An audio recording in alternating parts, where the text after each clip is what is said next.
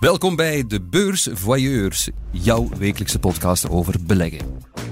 De stijgende lange termijn rentes doen onze beurzen zweten. De Eurostox 50 neemt voorlopig de lift naar beneden. Hoe komt dat en wat staat er ons nog zoal te wachten? Je hoort het allemaal hier, waar anders. Welkom bij de Beurs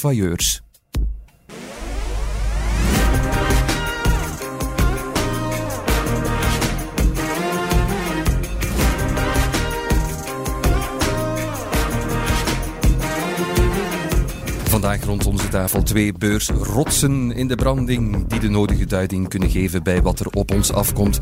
Serge Mampai van De Tijd en Geer Smet van De Belegger. Heren, welkom.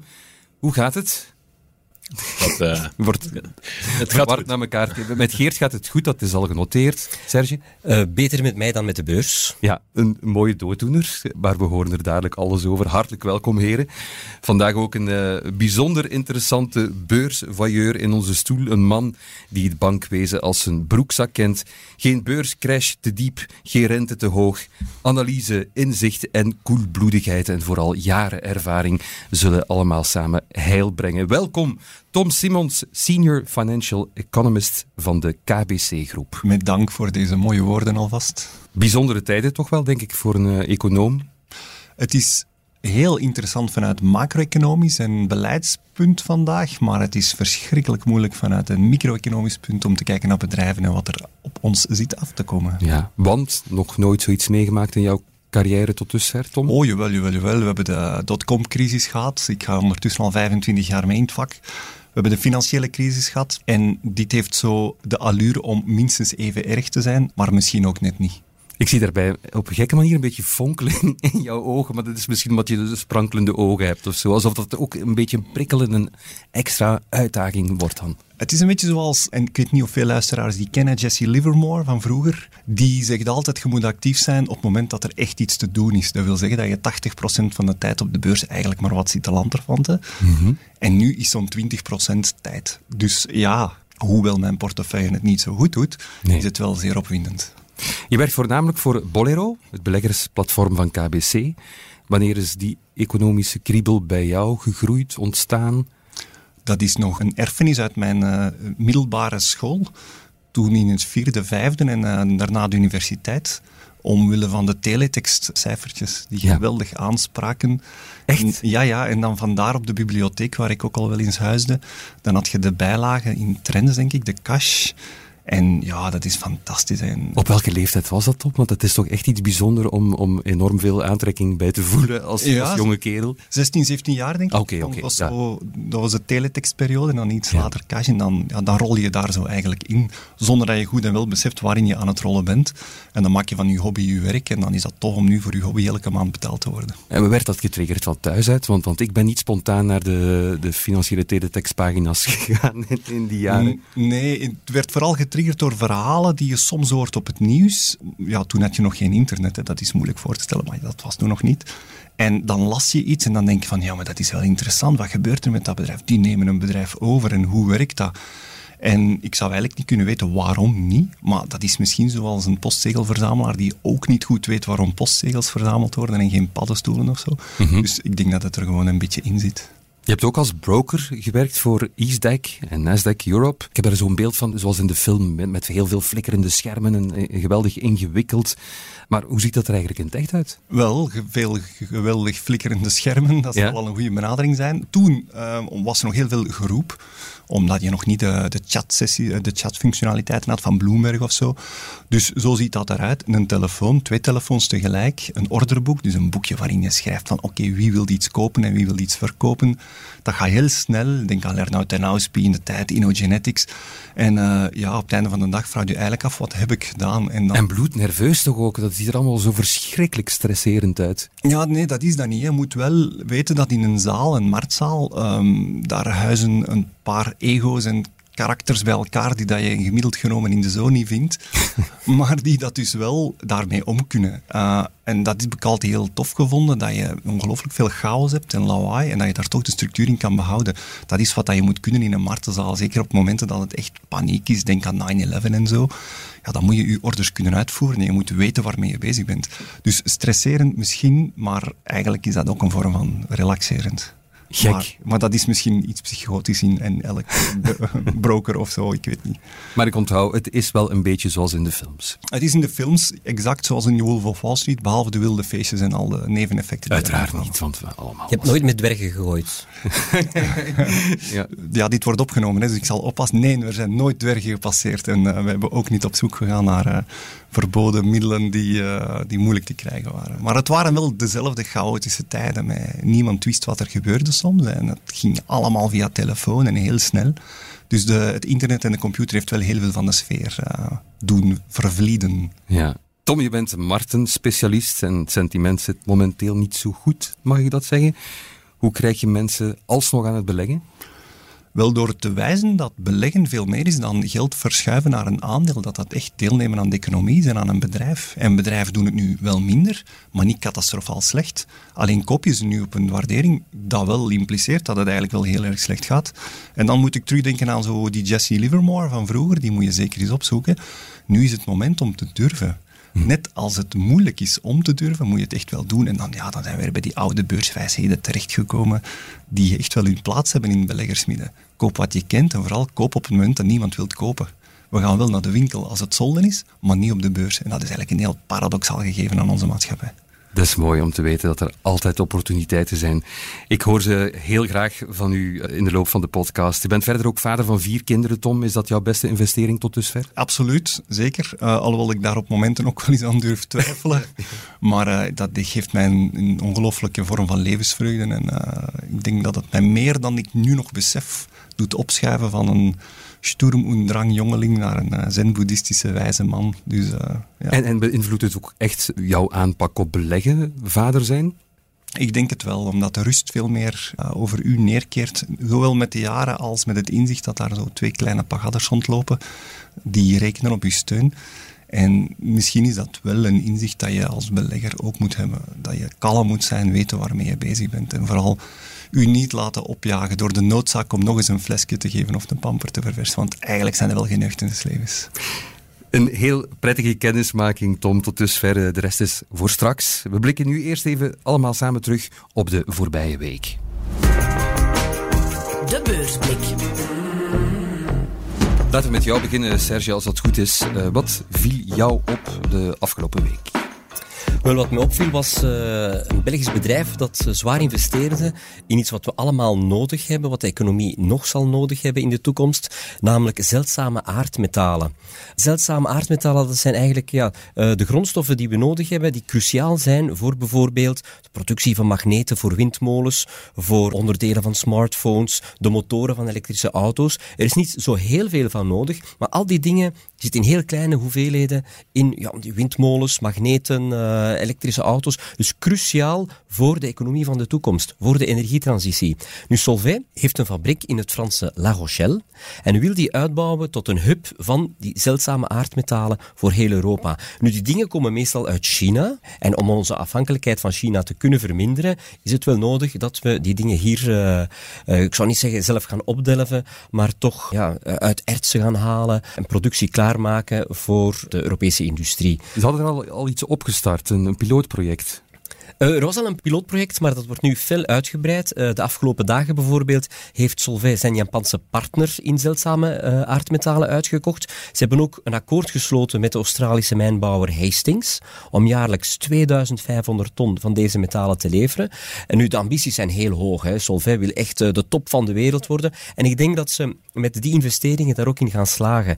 We mogen ook niet vergeten bijvoorbeeld dat Solvay ook in andere industrieën zit. Recent nog, vorige week, hebben ze de oprichting van een onderzoekscentrum voor luchtvaartonderdelen aangekondigd. Mm in het Amerikaanse Wichita in de staat Kansas. Uh, dat is samen met de lokale universiteit. Met een onderzoekscentrum voor de Amerikaanse vliegtuigindustrie. Dus ik apprecieer absoluut dat Solvay zijn cashflow blijft investeren in cruciale zaken voor de toekomst. Eigenlijk niet de toekomst van de Europese industrie veiligstelt, maar zeker ook van het bedrijf zelf. Nu, in deze tijden moet je geen megalomane overnames gaan doen met heel geld. Dat is absoluut niet eh, de timing ervoor.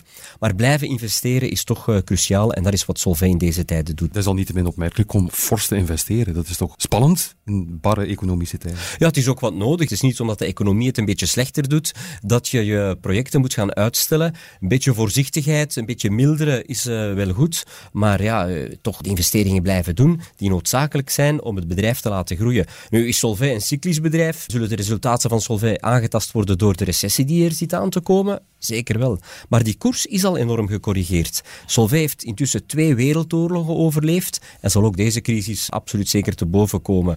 Je koopt het aandeel nu beneden de boekwaarde, met een dividendrendement bruto van 4 à 5 procent, wat ik niet echt in gevaar zal zien komen. Bedrijf heeft ook nog na de halfjaarcijfers zijn prognoses eh, voor het hele jaar opgetrokken. Cashflow-matig gaat alles goed.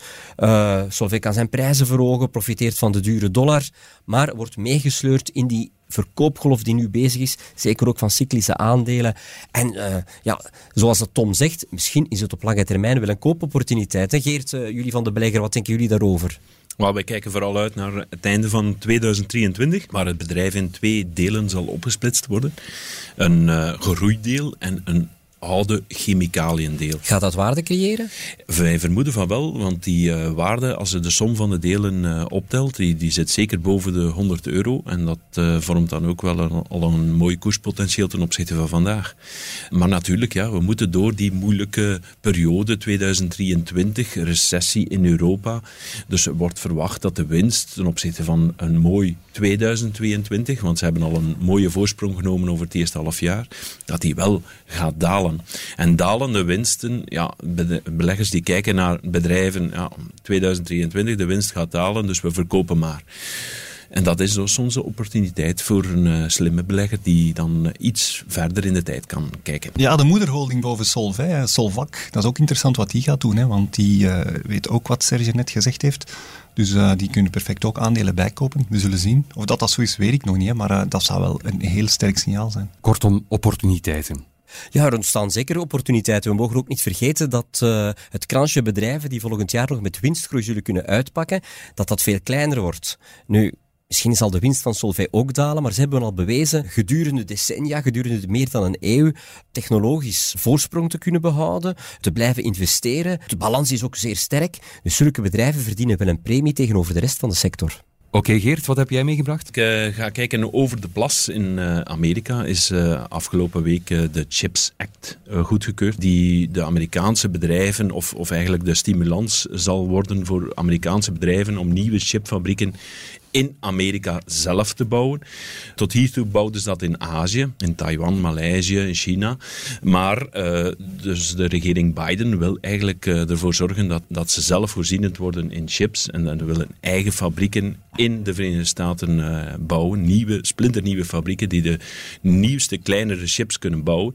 En daar moet een, een zekere subsidie tegenover staan. Maar anderzijds, ja, er is al lang een technologieoorlog tussen uh, Amerika en China. En in die wetgeving werd toch wel uh, ook nog wat andere dingen gestipuleerd. Oh ja? Ja, want uh, China zal zeker niet tevreden geweest zijn, want een aantal ehm, in die wetteksten staat dat uh, de Chinese bedrijven of de export van naar Chinese bedrijven van machines om uh, chips te produceren aan banden wordt gelegd. Mm -hmm. En die hebben natuurlijk, die Chinese bedrijven hebben dat natuurlijk nodig om de kleinere, meer performantere chips te produceren. Je moet weten dat China een investeringsprogramma had van ongeveer 150 miljard dollar om ook zelf wereldleider te worden in uh, de chipproductie. Ze wilden dat ook worden in elektrische wagens en ze wilden dat ook worden in artificiële intelligentie en zo. Maar ze hebben natuurlijk ook chips nodig om dat, uh, om dat te bewerkstelligen. En, en kan Amerika dat zo eenduidig doen? Dat lijkt wel een beetje boycott. Tegelijkertijd vraag ik me ook af of, of de Amerikaanse economie er echt veel baat bij heeft.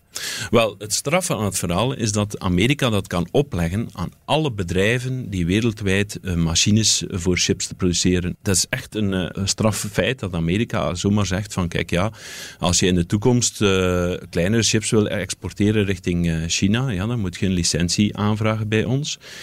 Als je dat niet krijgt en toch doet, ja, dan word je bestraft. Dan mag je onze belangrijke Amerikaanse markt geen chips meer importeren of uh, word je eh, met boetes uh, aan banden gelegd. En natuurlijk, ieder westers bedrijf, denk dan maar aan een Europees bedrijf zoals ASML of Amerikaanse bedrijven, gaan zeker getrouw in de, in de pas lopen van, van Amerikaanse beslissingen. Mm -hmm. En die gaan dan eigenlijk China benadelen hè, op termijn. En wat betekent dat voor, voor onze economie, voor de Europese economie? Wel, in Europa heeft men ook een soort van Chips Act. Dus uh, Europa die wil ook eigen uh, chipfabrieken uit de grond stappen. Heeft daar ook uh, serieus wat geld voor voorzien. Maar Europa zal eigenlijk gevrongen zitten tussen twee vuren. Enerzijds uh, zullen ze nog mogen exporteren naar China, want je moet toch uh, rekening houden dat China toch goed is voor een vierde van de chipmarkt wereldwijd. Dus al die kleine chips die gaan naar, naar China, mogen ze dat in de toekomst nog, nog doen. En zeker qua nieuwere ontwikkelingen, vooral op militair vlak, waar de Verenigde Staten echt wel tegenin wil gaan. Ze hinken achterop versus China. En ze willen op militair vlak toch wel een inhaalbeweging doen. En daarmee dat ze eigenlijk China een halt uh, toeroepen daarop. Maar Europa op zich, ja, die zit gevangen tussen twee grote vuren. Tussen die technologieoorlog tussen de VS en, en, China. Zie je nu al het effect van die beslissing op de beurs? Krijgen we nu al klappen te zien? Welke bedrijven hebben er nu al last van? Wel, het zijn vooral de Chinese chipproducenten die uh, onderuit zijn gegaan de afgelopen week. Maar ook Amerikaanse bedrijven zoals Nvidia en AMD. Die veel van hun chips laten produceren in Aziatische landen. Ja, die hebben daar ook wel last van. Enige voordeel dat daar kan uitgehaald worden is bijvoorbeeld Intel. Intel heeft al beloftes gedaan dat ze eigen chipfabrieken in Amerika en Europa zullen neerzetten en die kunnen dan natuurlijk weer marktaandeel inpikken. Ja. Ik neem aan dat het ook wel impact heeft voor trackers die zich specialiseren op die tech-aandelen. Het heeft een groot effect op de Chinese technologieaandelen, aangezien zij in de toekomst mogelijk minder kunnen beschikken over de meest performante chips. En uh, ja, dan kunnen zij ook minder nieuwe ontwikkelingen doen. Denk maar aan artificiële intelligentie.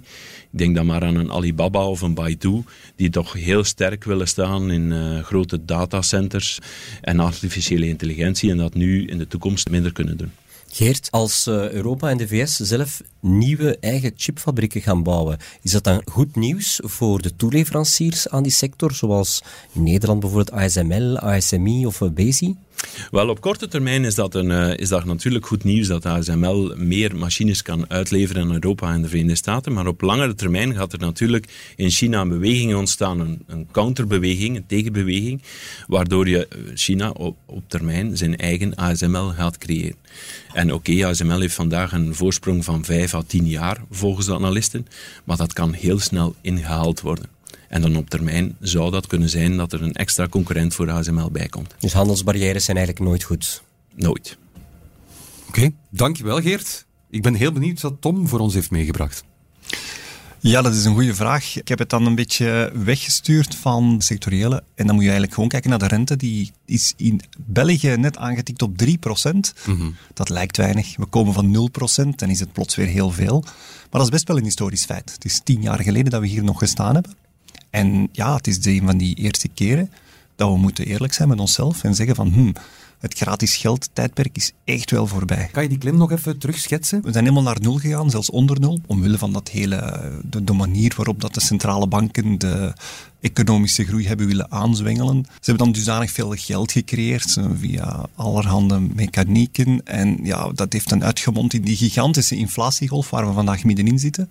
En het is net in dat gevecht tegen die inflatie dat de rente moet worden opgetrokken. Met andere woorden, dit is de centrale bank tot doel om de inflatie terug te brengen naar 2, 2,5 procent. Mhm. Maar we staan nota bene op, laten we zeggen, 10 procent. Dus ja. dat is een eh, behoorlijk lange weg en er moet dus behoorlijk hard gevochten worden.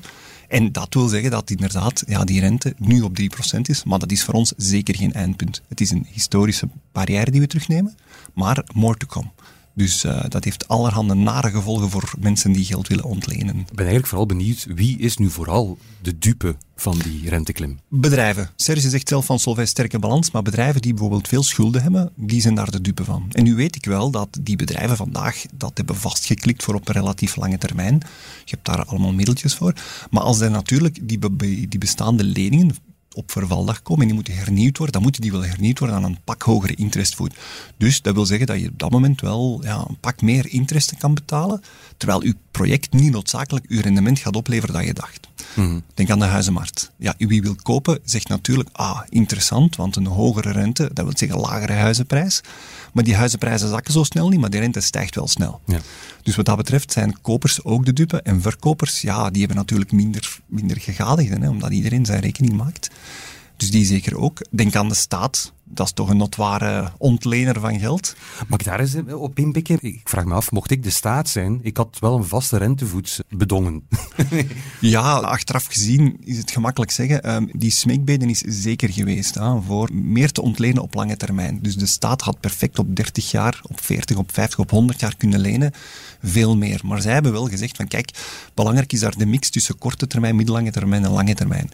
En het is zo dat uh, de schuld, wat de schuldlooptijd wordt uitgedrukt in een woord dat noemt duratie. Mm En ze hebben die duratie wel verlengd. Met andere woorden, de gemiddelde leeftijd van de schulden is wel een heel pak langer dan bijvoorbeeld vijf jaar geleden. Dus ze hebben wel een goed huisvader gespeeld. Maar de rente voilà. en, heeft roet in het eten. En eigenlijk vorig jaar, twee jaar geleden, wist je al van, kijk jongens, schakel nog wat bij, dank heel veel miljarden aan goedkope rentes. Maar wat daar eigenlijk moet, echt moet afvragen is waarom moet de staat zoveel blijven lenen? We zouden naar een begrotingsoverschot moeten gaan, mhm. wat het bijvoorbeeld al iets gemakkelijker maakt. Wat met de obligatiemarkt? Ook daar heb je winnaars en verliezers. De mensen die op dit moment obligaties aanhouden, die hebben eigenlijk geen impact. Zolang ze die aanhouden. Die obligatie heeft een bepaalde rente en die loopt af. Het is natuurlijk zo, als je je obligaties wil verkopen, ja, dat wil zeggen dat die obligatiemarkt die is volledig gecrashed. Uh, als de rente van 0 naar 3 procent gaat, dat wil zeggen dat je misschien, en ik ben even in het hoofd aan het kijken, misschien 30 of 40 procent lager prijzen hebt voor je obligaties. Mhm. Dus ja, ook daar hè, beleg je alleen met geld dat je nodig hebt. En dat wil dan zeggen, ja, vooruitkijkend, dat die obligatiemarkt vandaag vooral wil zeggen dat je als bedrijf, als overheid of als particulier weet dat je eigenlijk, ondanks dat je van 0 naar 3 procent gegaan bent, dat je nu waarschijnlijk nog een goede deal kunt doen op langere termijn. Mhm. Maar dan moet je spoeien en dat is meestal ook geen goede raadgever. Nee. Dat dus is, uh, ja. als er ergens verliezen zijn geboekt, en Serge zegt het al in het begin van deze podcast, het gaat met mij beter dan de beurs, maar je kan er misschien van maken, Serge, het gaat met mij nog veel beter dan obligatiebeleggers. Oké. Welke aandelen zijn nu al de dupe? Iedereen die het moet hebben van groei. Elk bedrijf dat gewaardeerd werd op basis van hoop, denk aan technologie in zijn meest brede zin, die zijn al zeker een vaste dupe. En wie doet het eigenlijk nog het best van al? Dat zijn bedrijven die boring zijn. Ja, boring bedrijven. Oké, eh, zoals? Oh, stabiele cashflows. Kijk bijvoorbeeld naar uh, wat Serge zegt, een Solvay, um, een, een Tessenderlo, kleine KMO's in België die wij over het hoofd kijken, veel Europese small- en midcaps die alle mogelijke tegenwind hebben van Rusland, van uh, fly-over zone effecten. Met andere woorden, ze zijn te klein voor internationale beleggers en de kleine belegger durft niet bijkopen. Al die bedrijven zijn daar heel erg de dupe van. Meer dan de, de vraag van wie is er de dupe van, zou je de vraag moeten stellen wie kan er nog meer de dupe van worden en bij wie is het ergste leed al geleden. Ja.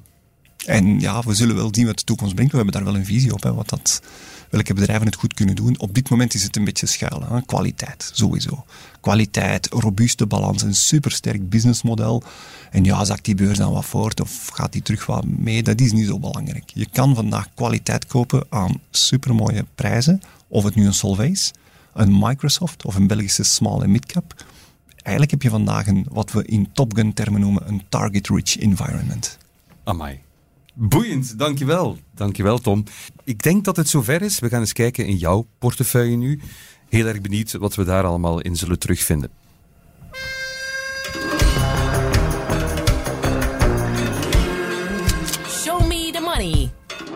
Tijd om Wanda in te schakelen. Dat is onze vragencomputer van de tijd. Dan kan ik rustig ook wat achteroverleunen. Er zitten 20 vragen in Wanda verstopt. We vragen een cijfer van 1 tot 20 en dan komt er uh, een vraag uit Wanda. Zo simpel is het. Zullen we eens proberen, Tom? Oké, een vraag die begint met een disclaimer. Ik hou mijn hart vast. Oké. ik ook. Welke cijfer kies je? Um, dan ga ik voor zes. Wat was je beste belegging? Dat is uh, een goede vraag en het antwoord horen we dadelijk na dit.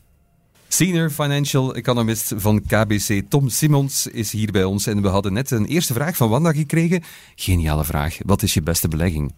Ik heb een, moet al eens denken, een jaar of tien geleden, had ik, uh, of tien of vijftien, dan had ik een hele hoop smartfoto's.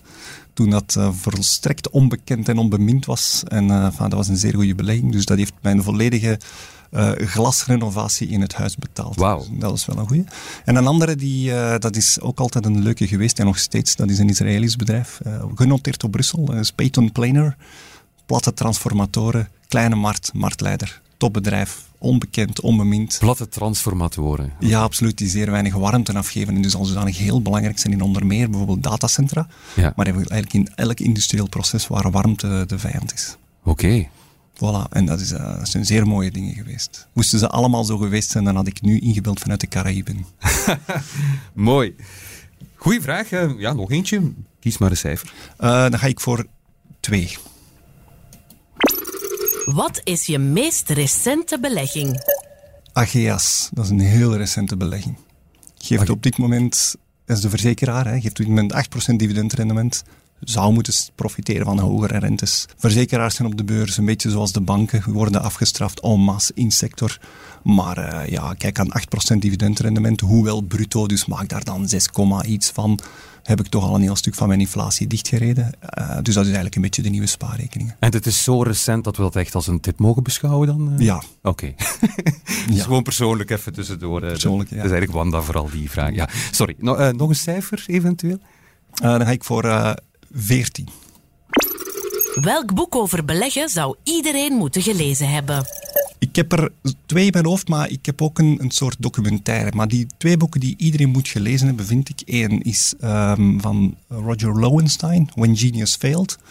En dat gaat eigenlijk over het uh, LTCM, Hefboomfonds. Wat moet je daaruit verstaan? En een heleboel hele slimme wiskundige mensen die een systeem opzetten dat echt fantastisch is. Dat eigenlijk bijna gegarandeerd rendement haalt totdat de markt het een beetje heel moeilijk krijgt. Mm -hmm. En dan is dat failliet gegaan. Fantastisch boek. Om zo te beseffen dat analyse en berekening wel leuk is, maar ook niet de heilige graal is. Een tweede boek dat je absoluut moet gelezen hebben, vind ik Black Edge. En dat gaat eigenlijk over hefboomfonds um, SAC van Stephen Cohen. Fantastische thrill real, allez, een, een, echt gebeurd verhaal, um, waarbij dat je Black Edge verwijst naar de informatie die je te pakken krijgt van bedrijven die je eigenlijk niet mag vasthouden. Oh. Ja, en dat is een ongelooflijk boek. Dus alle naar de boek. Het einde niet vertellen, want ik wil het zeker ook nog eens Absoluut, hebben. absoluut. Het is, het is echt mega de moeite. Het is heel erg interessant. Een van jullie gelezen? Geert, Serge? Nee, ben ik nog niet. Voilà, zie je. De eerste heb ik wel gelezen. Absoluut uh, ook een aanrader, ja. ja. Gouden boekentips. Voilà. Maar misschien nog zeggen, want het is wel leuk om boeken, maar je hebt ook heel goede documentaires. Ik was in, uh, in, in een filmfestival in Leuven twee jaar geleden, of drie jaar alweer, ik weet het niet. En dan heb je een documentaire gehad, Master of the Universe. En die blikt daarin, een man blikt daarin terug op de, ja, de hele financiële crisis en wat daar aan ten grondslag lag ongelooflijk beklijvende documentaire die heel goed aantoont dat men in de marktenzalen en de dealing rooms ook maar gewoon dingen bedenkt om een vraag aan hoger rendement te kunnen, te kunnen, te kunnen invullen.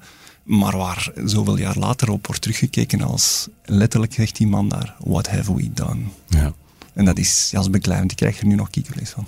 Mooie tips, dankjewel. Oké, okay, nog een cijfertje. Uh, dan ga ik voor 11, want dat is het nummer waarmee ik basket speel. Aha, oké. Okay. Wie is jouw grote beleggersvoorbeeld? Heb je zo iemand? Niet meteen in het hoofd iemand waarvan ik zou zeggen dat is de man. Um, maar ik heb het er straks al gezegd. Uh, vorige week was er een stagiair bij ons en die, die kende die man ook. Dat is Jesse Livermore. Dat is, we praten dan terug over de Wall Street crash, hè, lang, lang geleden. Mhm. Een bekend uh, shorter. Want ik vind shorters onderschatte beleggers. Er wordt op neergekeken. Die praat mijn aandeel naar beneden. Maar mijn ervaring met shorters, en denk gerust ook aan uh, Thrombogenics, is dat die hun huiswerk heel goed doen. Heel, heel goed. Misschien zelfs een beetje Black Edge-style, maar zeer goed geïnformeerd. En ze houden vast. Denk ook aan Michael Burry uh, met The Big Short. Dus uh, ja, dan Jesse Livermore. Maar ook omdat die man zegt dat ja, 80% van de tijd moet je niks doen. Een van de verslavingen op de beurs is dat we veel te veel doen. Ja. De toplijstjes hier en ginder en wat nu en wat dan. Soms is gewoon blijven zitten zonder iets te doen. Heel goed. Uh, ik ken meer dan genoeg mensen die zeer nerveus worden van niets te doen. Maar we moeten meer boeddhistisch worden als belegger. Dus Jesse Livermore was dat in zekere zin. Ja, je kan het tegen mensen zeggen van wees een boeddhist. Ja. Wel, ervaring telt daar natuurlijk. Hè. Veel, uh, veel lang op de beurs bezig zijn. Veel met uw uh, voorgevel tegen een andere voorgevel gaan. Met er worden ja, verliezen pakken en zo is meegaan in van die hypes, of het nu cannabis op de beurs is of Taiwanese kippenproducenten. Enfin, je kan het toch Allemaal gedaan? Net niet, nee, nee, net niet. Maar ja, wel zo van die jeugdzondes. Hè. En dan is het eigenlijk wel interessant vandaag om te zien hoe die oude beurswijsheden nog altijd heel actueel zijn. En vaak moet je het niet verder gaan zoeken. Maar de media, en we hebben daar allemaal een beetje schuld aan, wij stoken het wel een beetje op. Korte hmm. termijn, visie, winstwaarschuwing, direct veel woorden gebruiken om eigenlijk te zeggen van kijk, dit is een, een hiccup, in een langer proces.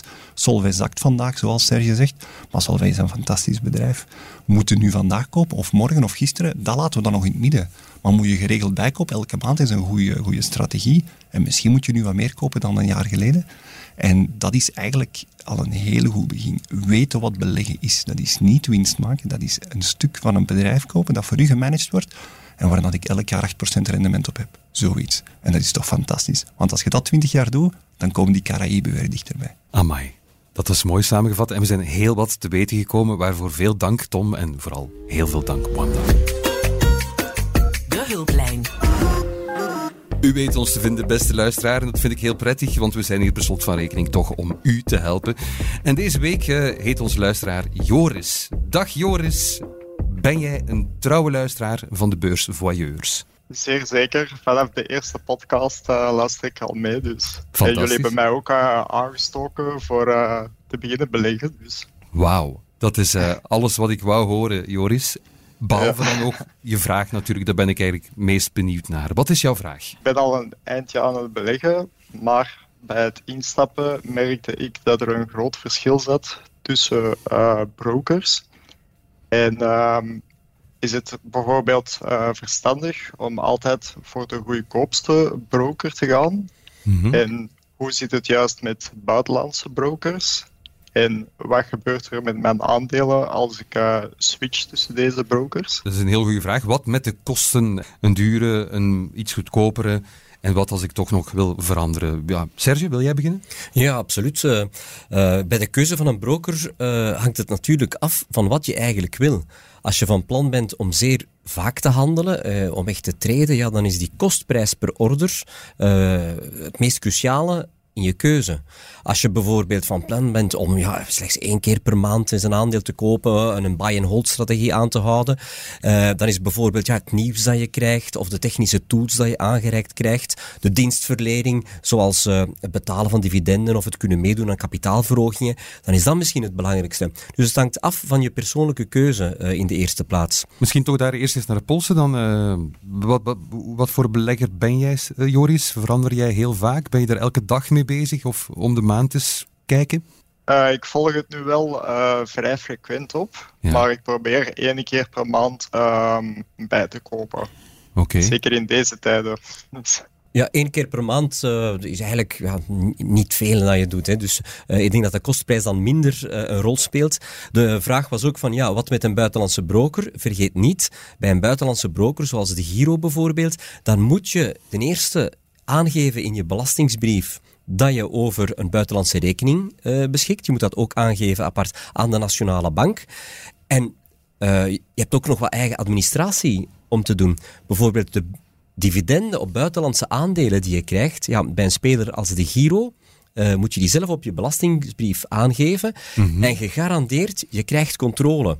En de Giro oh ja. wel bijvoorbeeld de roerende voorheffing op Belgische dividenden af, maar de belastingscontroleur die weet dat niet. Dus elk jaar gegarandeerd bijna, ik weet het van veel mensen die klant zijn, elk jaar ga je controle van de belastingen krijgen en moet je dus bewijzen dat die dividenden op Belgische aandelen wel betaald zijn, die op buitenlandse niet. Het kleinste foutje dat je maakt natuurlijk, uh, ben je niet meer in orde. Heb je dat al meegemaakt, Joris? Uh, ga je ook internationaal gaan handelen?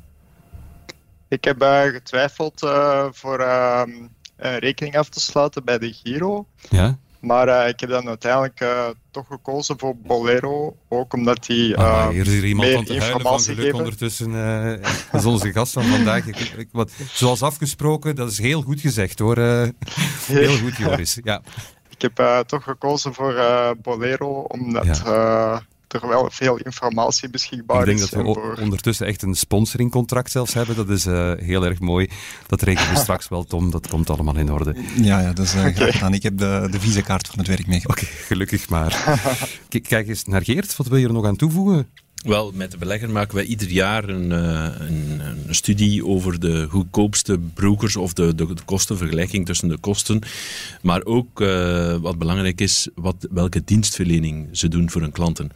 En uh, ik moet toch wel toegeven dat sommige buitenlandse brokers ja, qua dienstverlening teleurstellen. Bovendien, als ze, als ze dus een aandelen die, die jij gekocht hebt, dan gaan uitlenen zonder dat er voor jou een vergoeding tegenover staat, dat is toch ook een belangrijk risico dat, dat, je, dat je kan lopen, zeker in volatielere financiële tijden.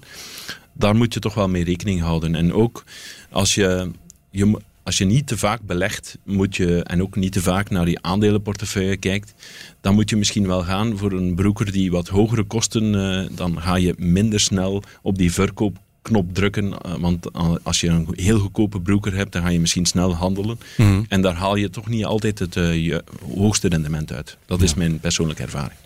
Wil je er iets aan toevoegen, Tom? Ja, het is een, beetje wat Serge zegt. Hè. Je moet goed oppassen. Er zijn veel verborgen kosten. Het feit dat je bij sommige buitenlandse brokers ook niet goed weet welke prijs je echt betaalt, omdat zij die, uh, die orders vaak intern matchen met elkaar. Of die ergens naar een pool sturen, dus je weet dat ook niet altijd. Je moet maar eens naar de helpdesk bellen omdat je je paswoord vergeten bent, ik zeg maar iets. Mhm. Ja, dat is ook niet altijd evident als dat in een buitenlandse taal is. En dan eigenlijk, dan zie je als je die, al die argumenten van Geert en van Serge bijeenpakt, ja, goedkoop is één en daar wordt inderdaad op gefocust. Maar moet, doe al die administratie maar eens. En heb maar eens niet de informatie, webcasts en podcasts en wat dan ook, dat bijvoorbeeld een, een duurdere broker geeft. Ja, en dan blijkt dat goedkoop eigenlijk duurkoop is. Mhm. Maar ja, dat is het spel van de verborgen kosten. En het is wat Serge zegt, uh, de service is minstens even belangrijk. En dat is niet om onszelf in de kijker te zetten.